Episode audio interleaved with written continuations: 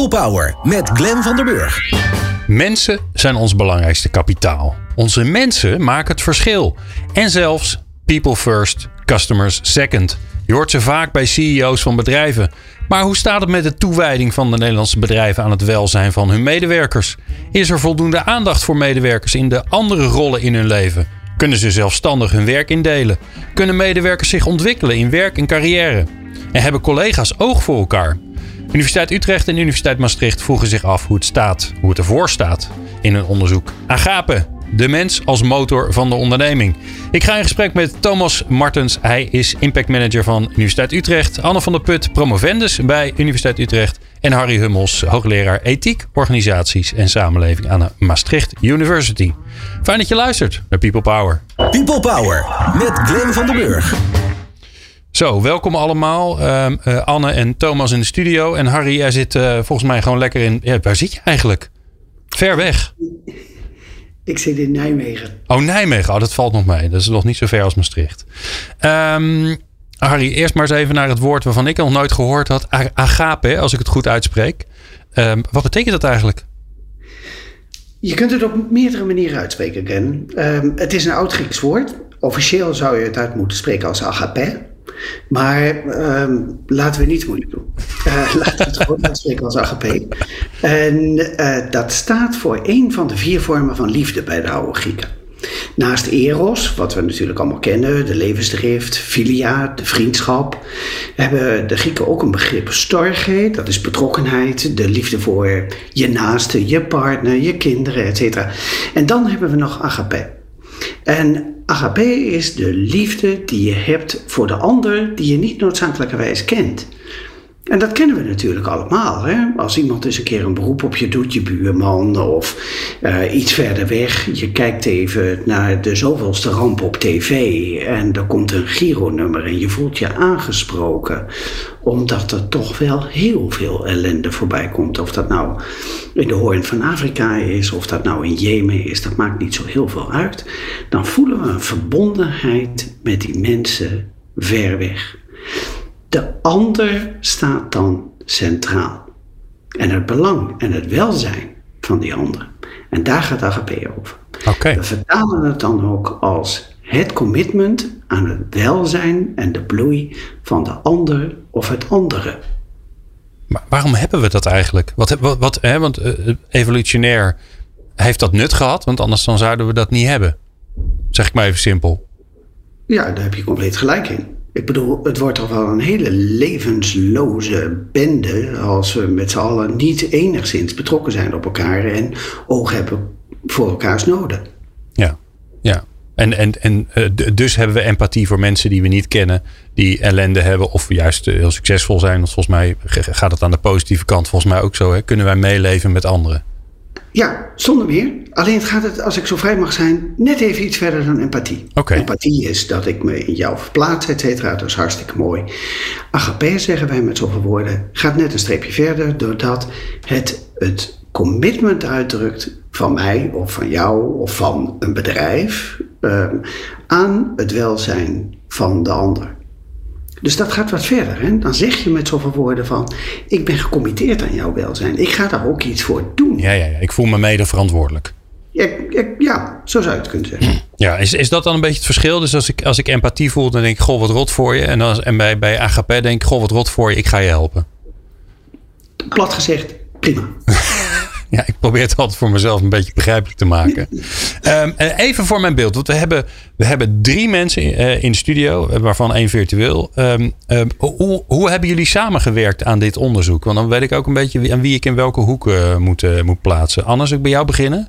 Ja, dat is goed. Nou, eigenlijk het begon vooral bij Thomas en Harry. Die uh, hebben contact met elkaar gelegd. En toen zochten ze iemand die kon helpen met het verzamelen en analyseren van de data. En toen zijn ze bij mij uitgekomen. Oké, okay, dus, dus je, hebt, je hebt het werk gedaan eigenlijk? Eigenlijk wel, ja, ja, klopt. Ja, ja. oké. Okay. Nee, dat, dat snap ik het. Thomas, wat is jouw rol in het, in het onderzoek? Ik ben het helemaal met Anne eens. Uh, en we zijn natuurlijk niet zomaar bij Anne uitgekomen. Dat, nee. Uh, ik heb uh, veel met Anne samengewerkt en dat is een hele logische keuze geweest. Maar zoals Anne zegt, um, het begon bij een telefoongesprek samen met Harry. Um, hij belde me op met de vraag of ik deze dataverzameling, want dat is wat veel onderzoek natuurlijk in de basis is. Dat begint met een grote dataverzameling. Um, of ik dat wilde doen. Ehm, en ik zei eh, ja, maar besef je je dat, uh, dat corona nu tegenwoordig een ding is? En ehm, stel je eens voor dat organisaties misschien met iets anders bezig zijn. Wat vind je daar dan van? Maar ehm, gelukkig was uh, Harry enthousiast genoeg om te zeggen: we gaan het gewoon proberen en we hopen op het beste. Ja. En zo gezegd, zo gedaan. Oké. En, Harry, het, het, onderzoek is dus ontsproten vanuit jouw brein. Waarom moest dit onderzoek er, komen? Wat was de aanleiding, het, het, het, ja, het vonkje wat het vuur heeft doen te ontbranden? Nou, dat gaat heel even een paar jaar terug. Um, het gaat zelfs eigenlijk decennia terug. Want ik doe dit onderzoek samen met de Goldsmithing Foundation. De Goldsmithing Foundation is opgericht door Frits Goldsmithing de, van, ja, de oprichter van, Randstad. Hè? Ja. En Frits die heeft bij de ontwikkeling van Randstad een aantal uitgangspunten geformuleerd over waar zijn organisatie aan zou moeten voldoen. Frits is groot geworden bij de VU en kreeg naast zijn economiestudie ook een behoorlijke dosis theologie mee. En in die context, Glenn, moet je dat begrip op plaatsen. Daar komt het vandaan. En een paar jaar geleden wilde de Goldsmithing Foundation met dat begrip AGP aan de slag. En die hebben mij gevraagd van, goh, ja, dat is mooi zo'n begrip, maar het is nogal een theoretisch en abstract begrip. Kun je daar nou handen en voeten aan geven? Vervolgens ben ik inderdaad in 2018, 2019 daarmee aan de slag gegaan. Daar hebben we een eerste witboek geschreven in de oog van de ander. En vervolgens vond de Goldsmithing Foundation dat hartstikke interessant, maar dat ging over een paar bedrijven. Toen zeiden ze van, nou ja, kunnen we nou ook een studie doen onder een brede laag van de Nederlandse bedrijven, commerciële bedrijven, en dan wel op een zodanige manier dat we uh, echt een representatieve steekproef krijgen van bedrijven met meer dan 100 mensen. Ja. Nou, vervolgens leek mij dat een buitengewoon goed idee. Maar ik werk graag samen met anderen die veel kennis en expertise hebben, ook op dit terrein. En dan kom je bij een aantal universiteiten uit en die hebben we gevraagd van, goh, zijn jullie bereid en uh, vinden jullie het leuk om daaraan mee te doen? En daar hebben we een aantal positieve reacties op gehad, waaronder van Thomas. En Thomas kwam gewoon met zijn voorstel als best uit de bus. Ja, en, en, en dan, want de eerste vraag was uh, eh. Is dat nou, wat is dat uh, specifiek? Hè? Geef daar handen en voeten aan. Ik neem aan dat je dat ook hebt moeten doen voor dit onderzoek. Dus, dus hoe, hoe bepaal je dan welke vragen je stelt, zodat je erachter komt of dit, ja, of dit fenomeen nou leeft in de Nederlandse bedrijven of niet? Ja, dat is een hele terechte vraag, Karen. Um, ik moet je neer, uh, in alle eerlijkheid ook zeggen dat dat een hele plezierige samenwerking was met uh, Thomas en met Anne. Want het concept, dat kun je dan wel verder uitwerken. Um, en dat had ik in dat witboek gedaan. En dan gaat het over het verbinden van mensen, het luisteren naar de ander. En uiteindelijk het ondernemen van actie, het handelen. Op basis van wat je hoort, wat die ander aan behoefte en uh, belangen inbrengt. Nou, dat is allemaal heel mooi en aardig gezegd. Maar hoe kun je dat nou heel concreet maken? Daar hebben we met elkaar naar gekeken. Ik bedoel, ik ben al wat langer met dit thema zelf bezig. Dus ik had zelf ook wel wat ideeën over hoe we dat kunnen operationaliseren. Maar vervolgens hebben we dat gedrieën. En er zaten ook nog aan de kant van Utrecht een aantal anderen bij die even goed meegedacht hebben. Um, en zo zijn we met elkaar gekomen tot een aantal dimensies. Ja, nou je voelt hem aankomen hè? Ja, welke dimensies zijn er? Ja, inderdaad. Nou ja, als ik het heel even plat en, en snel wil opzommen, dan komt het erop neer van, nou ja, werknemers kunnen zich scholen en ontwikkelen. Dat is heel belangrijk, persoonlijk, voor jij. Werknemers hebben oog voor elkaar, dat is dat relationele. De wensen en behoeften van werknemers staan centraal. Dus het is niet alleen maar de mens als instrument, om de organisatiedoelstellingen te realiseren. Nee, jij staat ook centraal als mens. Het werk biedt een inhoudelijke uitdaging. Niet alleen maar plat, gewoon uh, je taken verrichten en elke dag hetzelfde. Nee, er moet een uitdaging in zitten. Onderling contact tussen werknemers wordt gestimuleerd. Vervolgens, de onderneming biedt werknemers zekerheid omtrent hun baan. Gewoon even heel plat, je moet wel verzekerd zijn van een behoorlijk salaris. En zeker in coronatijden, we gaan het er straks zeker nog over hebben, is dat belangrijk. En last but not least, werknemers kunnen zelf bepalen hoe ze hun werk organiseren. Oké. En zeker in coronatijden is dat heel erg belangrijk gebleken. Ja, sterker nog, we zijn erachter gekomen dat ze dat ook prima kunnen. Zeker. Ja. Maar dat wisten we eigenlijk al. Ja. Alleen heel veel werknemers, werkgevers wisten dat nog niet. Nee. Nee, ja. En dan, hè, dus wat wel interessant is, hè, dat, er staan een aantal dingen in dat ik denk, ja, die, die, die komen zo vaak langs. Ehm, ehm, maar zeker die, de behoeften van de werknemers staan centraal. Even los van wat het oplevert, hè, want vaak hoor je dat natuurlijk wel zeggen. Maar dan is het toch omdat engagement leidt tot, of omdat werkgeluk leidt tot. Dus er is altijd wel een omdat. En dan komen we toch weer eh, erop uit dat het leidt tot minder kosten, meer omzet, eh, hogere productiviteit. Nou, dat soort, eh, zeg maar meer de, de, de, de harde ehm, eh, kant die weer wat cijfers oplevert. Ehm, hoe onderzoek je precies dit stuk daarvan? Hoe kom je erachter of dat zo is? Dat lijkt me heel ingewikkeld. Thomas? daar hebben we gelukkig Anne voor. Want die doet Oh, daar hebben we Anne voor. Oké, Anne, Ah, hoe ja. komen we erachter? Nou ja, we kunnen natuurlijk gewoon vragen. Dat hebben we ook gedaan. Maar je, Ja. ja. hè, je, we- je vraagt natuurlijk aan een werkgever. En die zegt, ja, tuurlijk staan de behoeften van mijn Tuurlijk, werknemers centraal. ja. Dat vinden we super belangrijk. Maar daarom hebben we het ook aan de ondernemingsraad gevraagd. Een beetje met het idee van, god, die vertegenwoordigen wat meer het perspectief de van de tegenmacht. werknemer. Ja. Ja. En nou, die zeggen ook wel dat het wel iets minder dan de werkgever overigens. Dus daar zie je inderdaad wel dat verschil.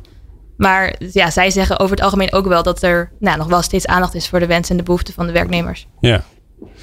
Ik ben zo natuurlijk eh, eh, eh, ten eerste heel erg geïnteresseerd in, wat er dan uitkomt. Hè? Wat zijn nou de resultaten waar je, ja, waar, hoe doen we het eigenlijk als Nederland? Ik vind het ook wel spannend. Ik heb het gevoel dat het steeds beter gaat, maar misschien is dat wel helemaal niet zo. Dus dat hoor je zo, wat er uit het onderzoek komt. Experts en wetenschappers over de kracht van mensen in organisaties. People Power. In de studio Thomas Martens, Anne van der Put van de Universiteit Utrecht en professor Harry Hummels eh, op afstand, maar toch dichtbij van de Maastricht University. Ja, eh, ehm, ehm, hoe doen we het? Dat is eigenlijk de allerbelangrijkste vraag. Mo- hebben we nog heel veel te doen? Is het, is het één grote pot doffe ellende? Heeft corona geholpen? Heeft het niet geholpen? Nou, laten we maar eens even naar het rapportcijfer gaan. Eh nee, kijk Anne gewoon indringend aan, want jij moest dat allemaal doen en verwerken en eh, uitvragen. En, eh, Ja, dat klopt. ja. Ja, Wat, kan er een rapportcijfer uitkomen überhaupt? Het is natuurlijk veel te plat voor, Ja. voor wetenschappelijk onderzoek, of niet? nou, we hebben dat toch geprobeerd omdat, hè, want Harry noemde net al de verschillende dimensies die we hebben meegenomen in het onderzoek. En in eerste instantie hebben we gewoon eens gekeken van, goh, is er überhaupt samenhang tussen deze dimensies? Vormen ze ook echt wel, nou ja, wat wij agapen noemen? En nou, dat bleek gelukkig zo te zijn, dus dat, dat was heel mooi. Ehm, ja, en dan kan je natuurlijk uitdrukken in een rapportcijfer. Dan kan je kijken van, goh, hoe scoren organisaties op al die items en kunnen we dat eh, omrekenen tot een, een mooi cijfertje? En Ja. nou, dat, eh, dat is gelukt. Ja, wat is het geworden? Het is een 8 geworden. Een 8? Ja. Wauw. Ja, Dat is, eh, dat is een hartstikke mooi cijfer. ja, waren we zelf ook wel een beetje verrast over. Vonden we ook wel hoog, maar ook natuurlijk heel mooi om te zien. Ja. Ehm, ja, nee, de, de- ja, het grootste deel scoorde gewoon eh, ja, ruime voldoende. Dus, eh, En zit daar nou, want dat is dan vervolgens interessant, een 8 is hartstikke mooi. Hebben we dan heel veel tienen en zessen? Of, of zit het allemaal best wel dicht bij elkaar? nee, het zit echt best wel dicht bij elkaar. Allemaal wel rond de 8. Dus eh, het is niet dat er een aantal bedrijven zijn waar het heel goed gaat. En een aantal waar het heel slecht gaat. Ja. Het gaat eigenlijk, ja, in ieder geval de bedrijven in ons onderzoek gaat het eigenlijk overal wel, ja, wel goed. En nou heb je natuurlijk bedrijven gevraagd: Goh, we gaan een onderzoek doen en wil je daar aan meedoen? Ehm, ik kan me voorstellen als jij als bedrijf eh, eh, je medewerkers enorm aan het uitbuiten bent en eh, je maakt je geen donder uit, dan doe je niet mee met het onderzoek. Nee, dat klopt. Het is in die zin natuurlijk wel. Hè, we kregen ook best wel veel mailtjes van mensen die zeiden: ja, vanwege corona ligt onze prioriteit nu gewoon ergens anders. Ja, Ehm, maar ja, we hebben toch ook gekeken van hè, de bedrijven die we hebben meegenomen. Want we hebben natuurlijk alle, alle Nederlandse commerciële bedrijven met meer dan 100 werknemers aangeschreven.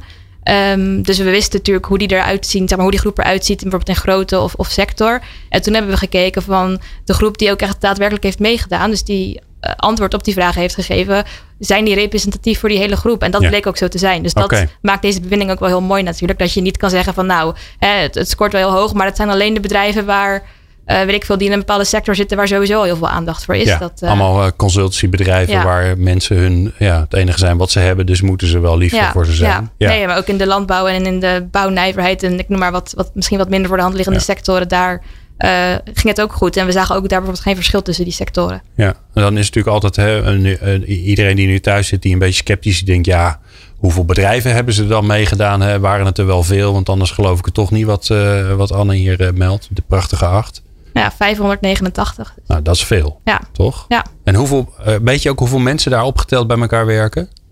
Ehm, niet Nou, minimaal hoofd. 100, hè, Ja. dus. ja, en het zijn natuurlijk, sommige bedrijven werken inderdaad 100, maar andere werken er meer dan 1000. Dus het is echt Ja. wel een groot deel van de Nederlandse arbeidsmarkt. Die, Zat er nou echt een uitschieter bij waarvan je, en misschien mag je die niet eens noemen, maar waarvan je echt dacht van, nou, dit is niet normaal wat eruit komt? nou ja, we hebben natuurlijk niet naar individuele bedrijven gekeken. Dat kan Nee. natuurlijk niet vanwege de... Hè? Ja, dat zal je altijd zien. Ja. Nou hebben je natuurlijk ook onderzoek gedaan naar die, naar die verschillende aspecten. Hè? Want het is natuurlijk leuk een 8 als rapportcijfer. Dus nou, daar mogen we met z'n allen trots op zijn.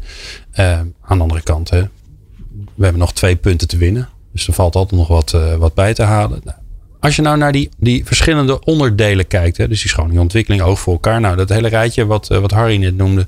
wa- Wat springt er dan uit? Waar, waar gaat het heel goed en waar gaat het misschien wat, waar is er nog misschien ruimte voor verbetering? Nee, dat is eigenlijk precies waar we niet naar hebben gekeken. Ah, heel goed. Nou, dus dat is een topvraag Ja. voor, voor de volgende die Precies. gaat promoveren hierop. Ja. Toch, Thomas? Zo is het. Ja. Harry, als je nou het, het, eh, jij, jij bent dit, je hebt dit onderzoek geïnitieerd. Het is bij jou begonnen.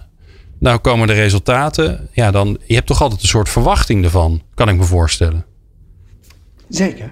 En, en, en, en hoe kijk je daar nu naar, naar wat eruit komt? Eh, ik, op, ehm, allereerst heel positief.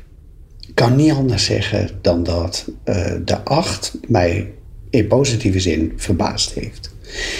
Tegelijkertijd, toen we het rapport presenteerden, ik bedoel, je hebt zelf al wel zo'n duiveltje op je schouder zitten wat zegt en in je oor fluistert van, joh, dat is toch wel heel erg hoog. Je moet natuurlijk altijd wel je realiseren dat dit een, een gevalletje van zelfrapportage is. Mensen die hun eigen prestaties beoordelen. Dus ze kijken misschien wel door een erg roze bril. Nou, Anne gaf net al aan, om dat een beetje te voorkomen, hebben we gekeken naar de managers en de leidinggevenden van de organisatie. En aan de andere kant werknemersvertegenwoordigers uit de OR. Ja. En beide kwamen eigenlijk wel met een goed eh, rapportcijfer. Dus dat maakte dat je toch iets gerustgestelder bent over de uitkomst. Tegelijkertijd. Oké, dus er zat tussen die twee, tussen de OR en de, en de, en de, de leidinggevende, daar zat niet zo heel veel verschil tussen. Nou, een half Nee. punt geloof ik. Oké. Dus toch nog wel Nee, wat. daar zat verhoudingsgewijs vrij weinig verschil. Ja. Maar er is nog wel een. Als mijn zoon met een 7,5 thuis komt, dan gaat de vlag uit. Dus eh, Ja, ja. Ja, dat is Harry. nog een alarmbelletje, Glenn. Ja. Ehm, En dat ging af bij de vakbond. En ik denk dat dat een terechte opmerking is. Wij eh, eh, boden het eerste rapport aan, aan Kitty Jong, visievoorzitter van vakcentrale FNV. En Kitty zei wel van ja, hartstikke mooi. Dit laat zien dat we op de goede weg zijn. Maar zegt zij, van we moeten natuurlijk niet onze ogen sluiten voor het feit dat je niet heel specifiek vragen hebt gesteld aan hoe de werknemers het dan zelf ervaren. Dat was in ons geval niet heel erg mogelijk, gelet ook op de beperkte tijd en middelen die we hadden. Maar het is een terechte opmerking natuurlijk. Wij hebben het gevraagd bij de leidinggevende en bij de OR-vertegenwoordigers. Maar als je het de medewerkers zou vragen, en Kitty had natuurlijk toch wel een punt toen ze zei van ik ken heel veel bedrijven waar je, als je het aan de medewerkers vraagt, zeker niet op een 8 uitkomt. En vermoedelijk zelfs niet op een voldoende uitkomt. Ja. Ja, aan de, aan de andere kant, eh, ja, oké, daar, daar valt ook wat over te zeggen. Hè. De vraag is natuurlijk met, met, met, wie heeft de, de vakbond contact? Zijn dat met mensen die het naar hun zin hebben? Of zijn dat mensen die, nodig, die een vakbond nodig hebben? Daar kun je, Eh, daar kun, dat hè. klopt. Dus daar, Dat er zit natuurlijk altijd een bias in, in die, in die zin. Daar heb je helemaal gelijk in, maar het is wel een signaal wat we eh, zonder meer serieus moeten nemen. Ja. Wat is er nou, wat is er nou specifiek opvallend voor jou uitgekomen? Hè, want de vraag van de, van de Goldsmeding Foundation was natuurlijk ook van nou, hè, geef daar handen en voeten aan. Dus wat, wat, wat kunnen we met het, met het onderzoek? Nou, Anne heeft een aantal bewerkingen van de data gemaakt en die waren buitengewoon intrigerend. Um, want het gaat er niet alleen maar om dat er nu een 8 staat, maar de vraag is: gaan de ondernemingen nu de komende tijd nog meer aandacht besteden aan AGP? En het antwoord daarop was eigenlijk ook bevestigend. En dat is natuurlijk een hele beloftevolle. Dat men inderdaad aangeeft en zo'n 50% van de ondernemingen die gaven aan in de toekomst nog meer aandacht te willen besteden aan AGP. En daarbij ook wel op de hoogte gebracht willen worden van de laatste inzichten. Hm. En ze kunnen daarbij ook naar hun eigen zegte wel een beetje hulp gebruiken. Nou weet je, dat had ik eigenlijk niet zo verwacht. Ik bedoel, je kunt heel tevreden zijn, zeker in coronatijd, als je met, met elkaar een acht scoort. En dan denk je van, nou, als het zelfs in moeilijke tijden goed gaat, nou, dan zijn we er wel. Uh, dat vinden de geënquêteerden niet. Nee. Nee, en aan de andere kant denk ik ook, hè, want corona zal ongetwijfeld invloed gehad hebben. Dat kan bijna niet anders, toch? Dat is zo'n grote aardverschuiving, dus dat moet op een of andere manier invloed hebben gehad. Aangezien dit het eerste onderzoek is, wat volgens mij wat je gedaan hebt, kun je dan, en ik kijk maar even naar Thomas, want die heeft er verstand van. Je kunt daar volgens mij dan niks over zeggen. Je hebt geen nulmeting voor corona gehad. Nou, we hadden het er voor de af, uh, uitzending natuurlijk eventjes over van nou, wat een uh, tijd om wetenschapper te zijn. Um, als zoiets groots gebeurt, dan kun je daar natuurlijk prachtig onderzoek naar doen. En dat is zo. Um, maar tegelijkertijd mis je natuurlijk de, de nulmeting. Hè? De voormeting, die ja. heb je vaak nodig om te kijken wat gebeurt er dan tijdens deze crisis. En wat voor veranderingen zijn. Maar tegelijkertijd kun je dit natuurlijk wel als uh, omgevingsvariabele gebruiken. Um, om na te gaan, oké, wat gebeurt er dan bij die organisaties? En een van de dingen die, uh, die mij in het oog sprong was... Uh, we, weten, we hebben gevraagd van hey, wat was de aandacht voor agape in, in uw organisatie voor COVID? Daar kun je even naar terugdenken en uh, daar krijg je wel een redelijk antwoord op. en we weten natuurlijk wat de aandacht is tijdens COVID, want dat is wanneer we het onderzoek hebben gedaan. Um, en je ziet um, dat die organisaties die meer deden voor COVID, zijn nog meer gaan doen tijdens COVID. Dus, je, dus blijkbaar is het een okay. soort uh, stroomversnelling. Hè? Dus die organisaties die voor COVID in een oprechte manier in, in het welzijn van de medewerkers investeerden. Nou, daar wordt natuurlijk de, de proef op de som genomen tijdens COVID. Van nou, nu is, is er werk aan de winkel wat betreft welzijn.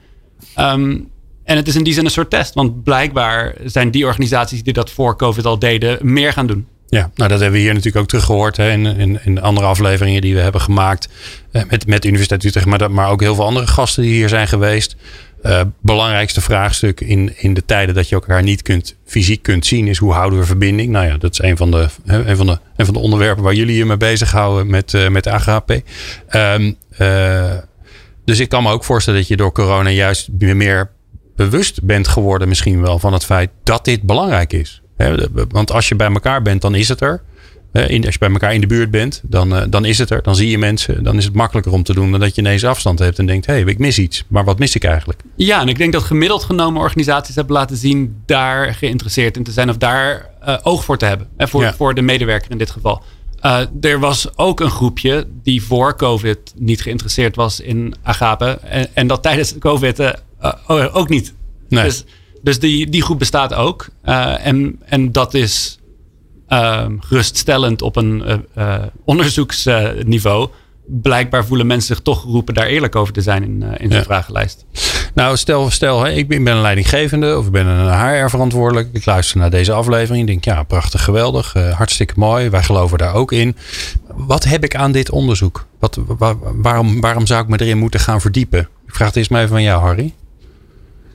Nou, er zijn een aantal redenen. Uh, dat hebben we ook onderzocht. Uh, en dan kom ik toch weer terug bij wat doet het nu voor de onderneming? En dan blijken er toch ook positieve relaties te liggen tussen aandacht voor AGP en zaken als de financiële situatie van de onderneming, de medewerkerstevredenheid, het verloop, dat is dus minder bij ondernemingen die uh, hoog op een AGP-ladder staan.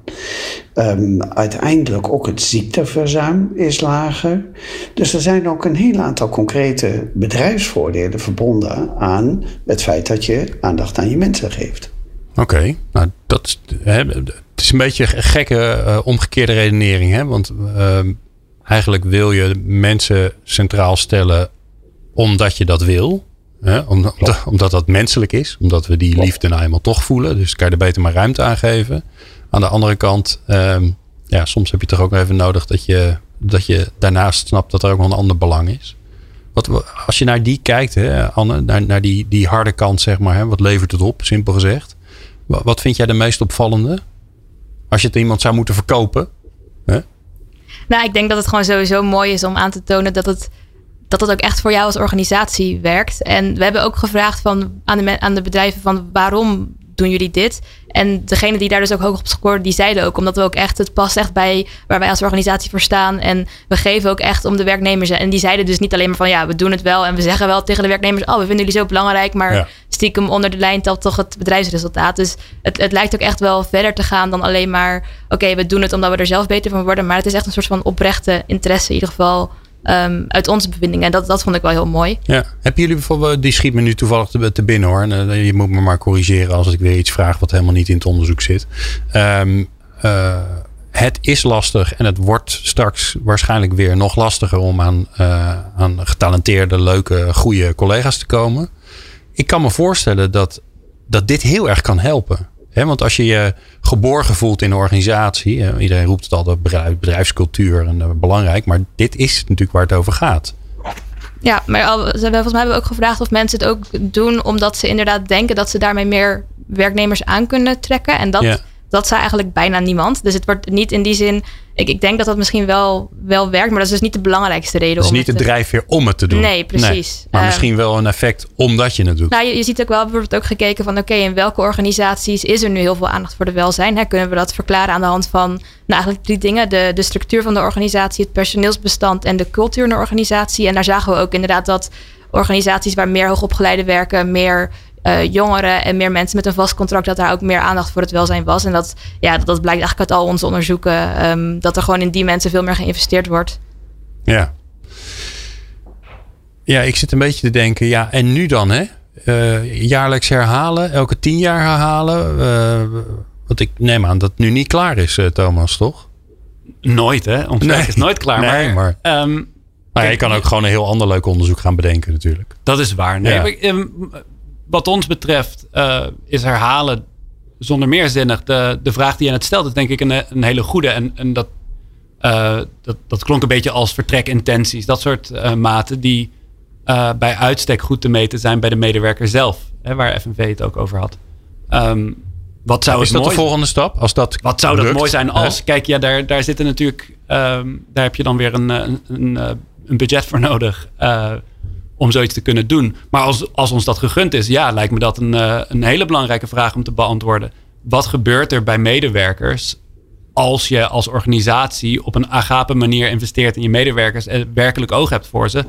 Um, en zulke vragen kun je natuurlijk alleen maar echt beantwoorden als je meer dan één meting hebt. Wat wij nu weten is welke maten met elkaar samenhangen. En, en wat is het bemoedigend dat de juiste maten of de maten waarop wij hoopten dat ze samenhangen ook daadwerkelijk samenhangen. Maar kip-ei weten we natuurlijk nog niet. Dat weet je pas als je een tweede, tweede meting doet. Ja. Ja, valt daar iets over te zeggen? Want dit, dit, kijk, dit, onderzoek, uh, uh, dit onderzoek staat natuurlijk niet op zich. Hè? Er, wordt natuurlijk al ongelooflijk veel onderzoek naar gedaan. Uh, of het nou wetenschappelijk verantwoord is of niet. Hè? Maar je hebt natuurlijk ehm, ehm, heel veel onderzoek naar engagement. Hè? Wat natuurlijk heel lang een beetje een soort, soort hype is geweest. Um, Kun je, daar nou verbanden tussen leggen, Harry, tussen alles wat er al onderzocht is naar verbondenheid met de organisatie of bevlogenheid van mensen in hun werk of uh, nou ja, al dat soort onderzoeken en dit onderzoek? Kun je daar een lijn uit destilleren? Uh, jawel, jawel, dat kun je zeker. Uh, ik bedoel, dit staat wel in de lange traditie die in feite begonnen is met mensen als uh, Maslow, Herzberg, McGregor, et cetera, die voortdurend gekeken hebben naar, nou ja, hoe um, functioneert de mens in zijn omgeving? En uh, zeker in een arbeidsomgeving. En wat zijn de behoeften van mensen als sociale wezens? Nou ja, wat we nu gedaan hebben, is om eens heel specifiek die vraag centraal te stellen in in dit geval uh, ja, een populatie van bijna 3500 ondernemingen. Dus we hebben even wat ingezoomd op een specifiek segment van de Nederlandse samenleving. Maar het staat natuurlijk in een veel bredere context. En nou ja, Anne en ik hebben wel voorgenomen dat we op basis van dit rapport ook nog een wetenschappelijk artikel willen schrijven. Uh, nou ja, daar komen dat soort verbanden natuurlijk toch wel ook aan bod. Uh, dus dat is één. Een tweede element wat vraagt om onderzoek, en dat refereert een beetje aan de vraag die je net ook stelde, Glenn. Namelijk, als ik nou een HR-manager of een CEO of nou, welke vorm van management ik ook heb en ik ben geïnteresseerd in deze resultaten, wat kan ik er dan mee? Nou ja, dat is een andere vorm van onderzoek die ons natuurlijk ook triggert. Namelijk, hoe kunnen wij die managers helpen om hier uiteindelijk meer invulling aan te geven? Ja. Ja, daar, daar, wil ik zo met jullie naartoe. Want dan kunnen we het aan, het einde lekker uh, van dit uur lekker praktisch maken. Eén ding wat mij nog in het hoofd schiet, wat ik even aan jullie wil vragen. Um, uh, we praten steeds meer over brede welzijn in onze maatschappij. Gelukkig maar. Hè? Dus we kijken niet alleen maar naar hoeveel centen we met elkaar verdienen. Maar we gaan gelukkig breder kijken. En dus ook breder sturen. Zou dit daar eigenlijk gewoon in moeten? Ja. Ja? Anne is voor? Ja? Dus dan moet gewoon het CBS het gaan onderzoeken. Nou, nou dat dan weer niet denken natuurlijk. dat de Universiteit Utrecht heeft een brede welvaartsindicator waarin dat veel uh, heel mooie plek zou kunnen hebben natuurlijk. Ja, ja. Ehm, bij instituties voor open samenlevingen, waar onze Future of Work Hub uh, bij hoort. Uh, daar is de brede welvaart een van de centrale um, um, onderzoeksobjecten en wordt ook toegepast in, in Nederland. Um, en dit is natuurlijk een, een, een, onderdeel daarvan. Werk hoort bij de brede wel, überhaupt het hebben van werk, maar ook hoe je het op je werk hebt, is natuurlijk een, uh, een heel belangrijk element van hoe je in het leven staat. Ja, en, dan ga ik even, het is het duivels dilemma, hè, want uh, uh, je, je kan ook in die brede welvaartsindex kun je niet heel veel dingen stoppen, stoppen. Hè, dus je moet er dingen instoppen die, die daadwerkelijk een indicator zijn van hoe gaat het in ons land. Nou, heb je een baan, dat is een, eh, dat is een relatief eenvoudige uh, indicator. Dus laten we die er alvast even in stoppen. Want het hebben van werk is belangrijk voor mensen. Dus ondertussen zat onderzoek naar gedaan. Is dit dan de andere indicator? Of is er nog een, een omvangrijkere, betere dan deze? Harry. Ja, nou moet je oordelen over je eigen kindje. Dat is ja, natuurlijk nou, interessant. Nou ga ik voor eigen breken. Ja, maar dat mag wel even. Um, nee, dit is natuurlijk een buitengewoon nuttige indicator, omdat het namelijk iets zegt over hoe mensen in relatie tot elkaar en tot de organisatie zelf vinden dat ze goed functioneren en vice versa. En dat de onderneming ook vindt dat mensen goed functioneren in de context die ze gecreëerd hebben, de welzijnscontext die ze gecreëerd hebben. En eh, wat, wat daar zo belangrijk aan is, is dat wij het niet alleen maar hebben over subjectief welzijn. Hè? Ik denk dat dat toch wel een belangrijk element is om nog heel even te benadrukken. Het gaat er niet om of ik mij vandaag gelukkig voel op mijn werk. Want dat is van zoveel meer factoren afhankelijk dan eh, de factoren waar de werkgever uiteindelijk invloed op heeft. Ik kan slecht geslapen hebben, kan ruzie hebben gehad met mijn vrouw of wat dan ook. En dat kan mijn welbevinden behoorlijk beïnvloeden. Maar waar het hier om gaat, en daar hebben we natuurlijk ook met elkaar heel uitdrukkelijk naar gekeken, is van welke elementen van de werksituatie bepalen nou ook dat, dat welzijn, dat commitment aan de bloeiende welzijn van de ander. Zoals bijvoorbeeld een autogordel ervoor zorgt dat jij veilig kunt rijden en dat er uiteindelijk minder doden en gewonden in het verkeer vallen.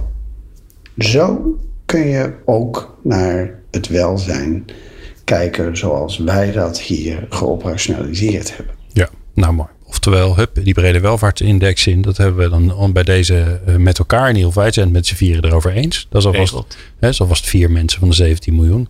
Moet ergens beginnen. Um, ik wil straks uh, met jullie uh, afsluiten met um, om het concreet te maken. En ik snap dat ik dan waarschijnlijk dingen aan jullie ga vragen die je misschien niet onderzocht hebben, maar wel dingen die in het verleden onderzocht zijn. Of die je gewoon uh, uit uh, mooie uh, boeken of colleges hebt geleerd. Dus we gaan het zo lekker praktisch maken. Hoe ga je dat welzijn, agape, hoe ga je dat verhogen in de organisatie? Hoor je zo. Hoe ontketen je de kracht van mensen in organisaties? People power. Zo, we gaan het praktisch maken met uh, Thomas Martens. Uh, Anne van der Put van de Universiteit Utrecht en professor Harry Hummels van Maastricht University. Alright, we hebben uh, het over het onderzoek gehad. We hebben het over het belang gehad. We hebben over het gehad wat het AGP eigenlijk is. En ik kan het ondertussen bijna uitspreken. Dat is ook fijn.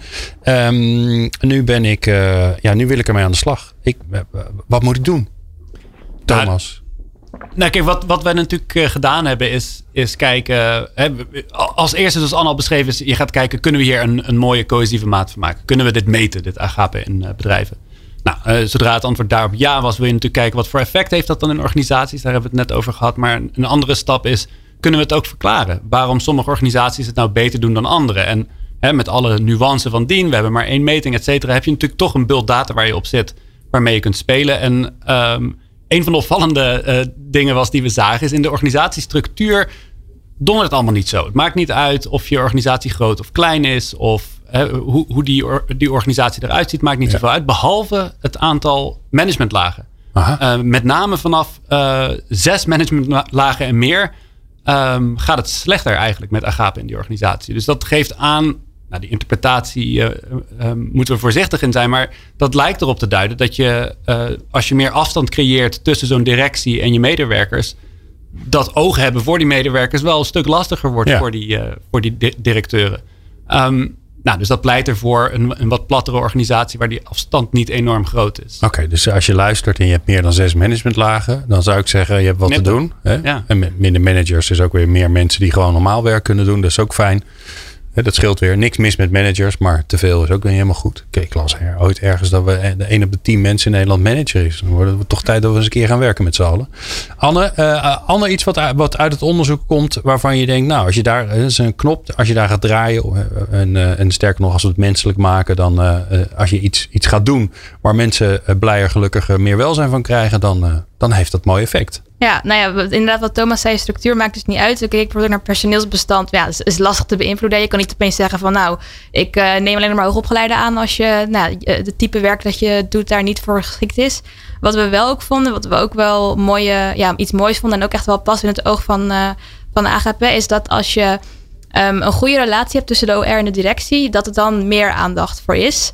Um, dus eigenlijk als je een soort van faciliteert dat die dus aan de ene kant is het, het, weten van de wensen van de werknemers. Dus zoals Thomas zei met die managementlagen, als er te veel afstand is, ja, dan, dan is dat lastig. Maar ook het, het samen daarover in gesprek gaan en zorgen dat die wensen ook echt bij de directie terechtkomen. Dus de mensen die er echt iets mee kunnen doen, dat is ook. Uh, ja, was, speelde ook een grote rol. En ik denk dat dat ook iets is wat je natuurlijk in je organisatie kan doen. Je kan natuurlijk het gesprek daarover aangaan. Um, zelfs nu digitaal zou dat kunnen. Dus dat uh, is denk ik ook op manier waarop je dit praktisch wel. Uh, ja, ja, dus als je de, als de OR de, de de spreekbuis, maar ook de, de, de, het luisterend oor is van wat, wat willen we eigenlijk met z'n allen? Wat vinden we belangrijk als, uh, als collega's? En, en dat komt bij de directie die daar vervolgens, dat is natuurlijk wel belangrijk, ook naar wil luisteren en wat mee wil doen. Dan heeft dat ook effect op. Uh, ja. Oké. Nou, Harry, er is al wat gras weg, maar er is er vast nog wel wat over. Nou ja, er is heel veel over. Dus in die zin, Glenn, je gaf net al aan. Je moet ook een directie hebben die er iets mee wil doen. En daar hebben we uh, toch uit het onderzoek ook wel een aantal wijze lessen kunnen trekken. Want het verbaast natuurlijk niet dat heel veel bedrijven inmiddels uh, de ruimte bieden tot thuiswerken, tot flexibel werken, et cetera. Maar je, daar zou je van kunnen zeggen dat is als het ware door de omstandigheden gecreëerd. We hebben in ieder geval gevonden dat bedrijven met een wat lagere uh, eh, AGP-score, dat die uiteindelijk in het verleden significant minder aandacht besteden aan zaken als um, flexibele uh, uh, uren, dus greep hebben op je eigen werk, meer thuiswerken en al dat soort zaken. Terwijl hogere, uh, hoger scorende AGP-bedrijven, dat die daar juist wel aandacht aan besteden. Dus als je nu een bedrijf bent dat je, en je zegt van goh, ik zou er eigenlijk iets meer werk van willen maken, dan zijn dit concrete aandachtspunten. Naast ook nog eens een keer de opleidingsmogelijkheden. We zien ook inderdaad bij hoogscorende AGP-bedrijven um, dat aandacht voor de opleiding van mensen toch ook een stuk hoger is dan bij lager scorende. Dit zijn gewoon een aantal hele concrete aspecten waar bedrijven naar kunnen kijken. Ja. Maar het kon nog veel breder. Nou ja, een van de dingen waar ik aan zit te denken, want die discussie die hebben we natuurlijk uh, uitgebreid gehad. Sterker nog, we zitten er gedeeltelijk nog middenin. Uh, flex en vast. Uh, nou, natuurlijk een ja. mooi, mooie stap gezet door de werkgevers en de werknemersorganisaties. Ja. Om daar, die, die zijn het zwaar eens met elkaar. Nou, moet niet gek worden. Um, zie je daar nou verschillen in? Dus een bedrijf met veel, veel flexibele arbeidskrachten, zie je daar dan een effect op, op, op AGP? Uh, ja, uh, nou ja, wat Anne al zei. Um, het zijn met name de bedrijven met veel vaste contracten, met hoger opgeleide mensen, et cetera, waar je ziet dat AGP toch significant hoger is dan bedrijven die bijvoorbeeld veel meer laag opgeleide mensen uh, in dienst hebben, waar flexibele, flexibiliteit de boventoon voert. Dus dat zijn gewoon toch wel degelijk uh, constateringen waar je als bedrijf iets mee kunt. Ja. Anne merkte net terecht op dat je dat niet zo 1, 2, 3 kunt veranderen. Um, dus daar zit wel een, een, een, puntje. Maar ik kan morgen iedereen een vast contract geven. Het scheelt je nog 5% werkgeverslasten ook. Dus waarom niet? Toch?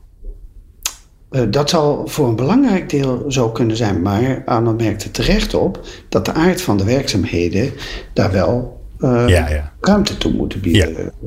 Ja. als je seizoenswerkers hebt, dan heb je daar een exact. probleem in natuurlijk. Ja, snap ik. Is dit nou iets. Stel je voor, ik, ik luister. Ik ben een HR-manager van een, van, een, van een bedrijf. Ik luister hiernaar. Ik denk, dit, dit is fantastisch. Want ik ben eigenlijk al tijdenlang op zoek naar iets wat groter is dan alleen maar betrokkenheid of engagement. Kan ik jullie bellen en zeggen: uh, ik wil dat hier intern onderzoeken. En ga alsjeblieft al mijn medewerkers vragen om, uh, uh, om een mening. Want dat is, dat is juist waar ik in geloof. Daar, daar mogen ze me altijd voor bellen. Ja? Dat soort telefoontjes krijg okay. ik graag. En, nou, en Thomas Martens. Onder in het scherm bellen. komt zo meteen mijn telefoon. Ja. Denk ik. ja. Um, nee, zeker. Ja? Via onze, onze website Future of Work Hub, uu.nl slash FOW. Um, kunnen ze me altijd vinden. En, uh, is en dat ook een volgende stap die je zou willen zetten? En natuurlijk wil je het liefst uh, Nederland breed, alle medewerkers, dat, dat, snap ik. Maar is dit een mooie eerste, eerste tussenstap om, om naar die medewerkers toe te kunnen? een prachtige eerste stap zijn natuurlijk om een, uh, een eerste case study te doen waarbij je de medewerker zelf te spreken krijgt. En dan, dan, dan kunnen we ook echt natuurlijk iets zeggen over die organisatie. Kunnen we nog steeds niks zeggen over alle medewerkers in Nederland, want nee. het is één organisatie. Um, maar dat geeft niet. Uh, iets moois zeggen over een organisatie is natuurlijk ook een hele hoop waard. Ja. Maar denk, goed. Nee, ga je ik denk ook inderdaad als je ook weet hoe de werknemer dit ervaart, dat het ook nog beter helpt om te kijken van gewoon aan welke knoppen moet je nu draaien als, als HR-manager om te zorgen dat het welzijn, zeg maar, waar, waar ervaren zij dus dat het niet goed gaat. En als je dat natuurlijk weet, dan kun je daar veel specifieker ook op, in, uh, op inspringen. Ja, nou.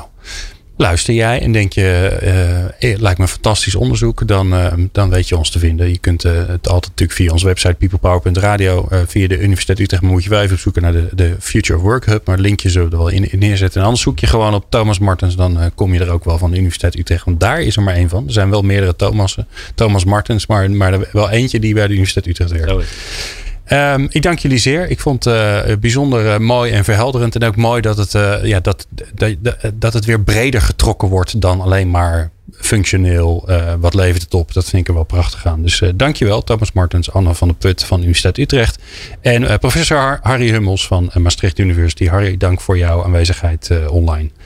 Graag gedaan, Glenn. Ja, nou, en uh, wij, uh, wij zijn er uh, straks gewoon weer. Want hierna hebben we gewoon nog een gezellig volgend uurtje. Um, dan is het weer tijd. Dat is een tijdje geleden. Want ja, het café is weer open. Dat is wel mooi. Ook binnen zelfs. Café Forum. Het is weer tijd voor Harry Starre. Die op zijn geheel eigen wijze in gesprek gaat over een, een belachelijk groot onderwerp. Dit keer gaat het over kiezen. Ja, nou, het, hoe maak je eigenlijk keuzes in het leven en in, in het werk? dat doet hij samen met natuurlijk weer twee super interessante gasten. Die uh, hoor je vanzelf in de volgende aflevering. Uh, vond je deze aflevering nou leuk? Uh, abonneer je dan via jouw favoriete podcast app. dat doe je door even te zoeken op People Power Podcast. En je helpt ons enorm als je ons vijf sterren geeft of duimpjes of follows. Of nou ja, hoe dat allemaal werkt in al die mooie platforms. Want dan komen we weer hoger in de rankings. En dan gaan er weer meer mensen luisteren. En dan kunnen we langzaamaan, want dat willen wij natuurlijk ook met People Power, de agape weer in het werk brengen. Dankjewel voor het luisteren. Meer afleveringen vind je op peoplepower.radio en jouw favoriete podcast app.